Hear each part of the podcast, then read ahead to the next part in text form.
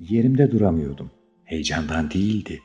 Kendimi daha önce hiç bu kadar doğru ifade edememiştim. İyi ve kötü, derin ve sığ yanlarımı, akılsızlıklarımı ve kolaycı çözümlerimi bir çırpıda söyleyivermiştim. Üstelik tüm bunlardan bahsederken kendimden emindim. Yalan söylediğime ihtimal bile verilmezdi.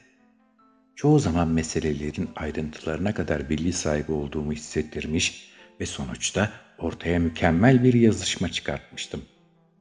Artık ben, yani sanal kimliğim, istediğim her bireyi etkileyebilir, düşüncelerimin berrak bir su akışıyla kurduğum cümlelerdeki şahane özenle kolayca hayranlık uyandırabilirdim. Konuştuğum kız çok güzeldi.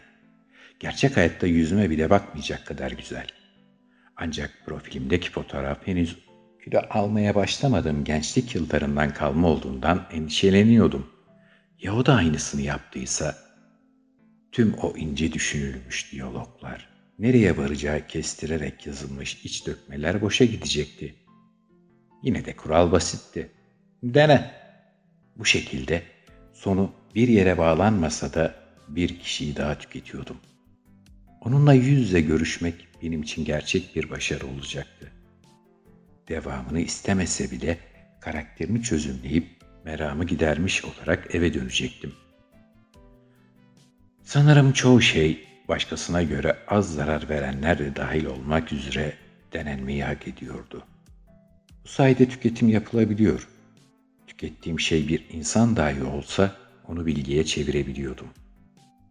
Bazen durumdan öylesine hoşnut kalıyordum ki aylarca tek bir gerçek iletişim kuramıyordum. Aynı esnada etrafımdan insanlar geçiyor, akşam davetleri kaçıyor, doğum günlerine mazeret bulunuyor, hayat istekle erteleniyordu. Çoğu kez hasta olduğumu söylesen de yakın zamanlarda bu yalanın artık kabul görmediğini fark ettim. İnsanlar durmuyordu. Sorunlarınla baş edip davetlerine gelmen için kurdukları baskı büyüyor, kocaman gülümseyen ağızlarıyla önemsiz işlerin aptal kutlamasına gelmeni istiyorlardı.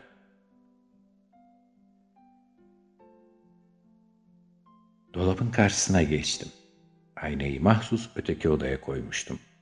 Öyle çok kilo almıştım ki yüzünden bana ben dedirtecek çizgiler birbirinden uzaklaşmış, karakteristik tek bir kıvrımım kalmamıştı.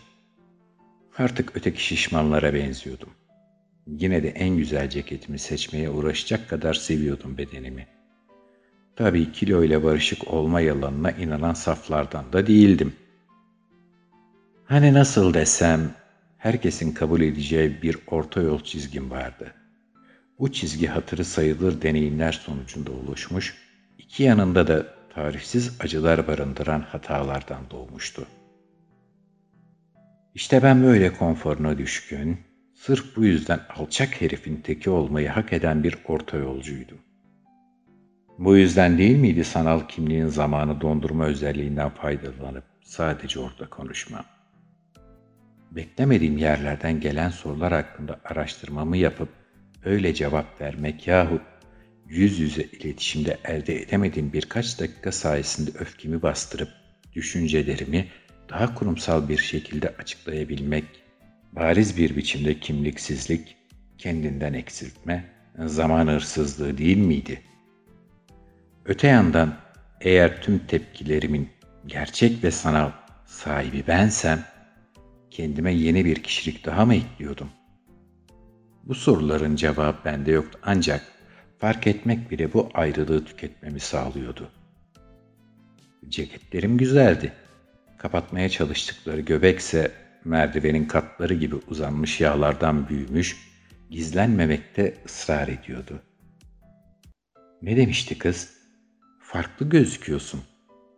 Cümlenin sonuna olumlu düşündüğünü belirten minik bir kalp bile koymuştu. Kim bilir bu küçük ifadeler ortaya çıkmasaydı ne çok sözcükle uğraşacaklardı.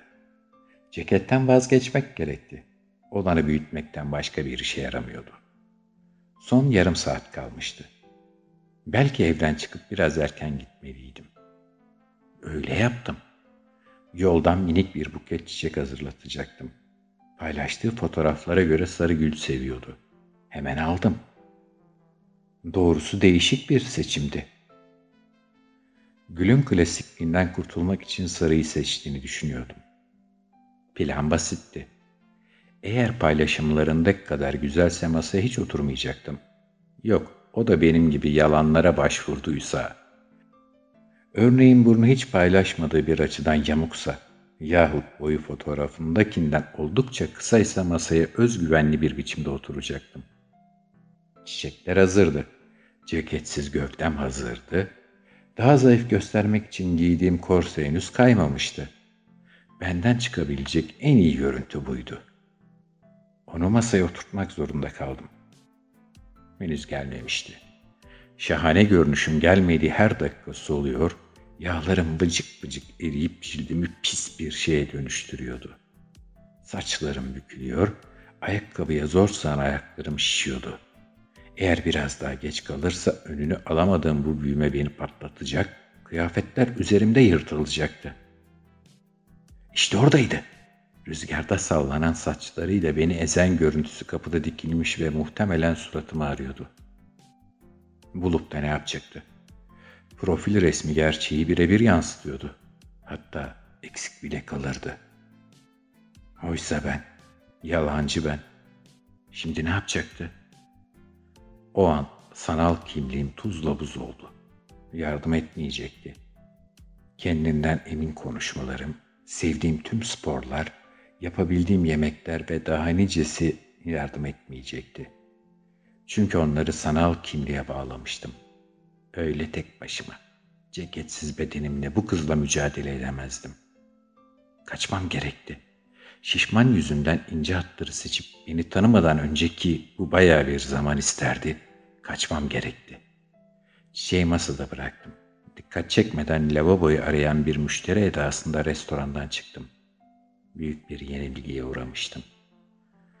Az önce güzeller güzeli bir kızla değil, uzun zamandır fark etmediğim gerçek benle baş başa kalmış, ona katlanamayıp kaçmıştım. Koşar adımlarla eve doğru yürüyordum. Yapılacak ilk iş sosyal medyalarımı bir süreliğine kapatmaktı.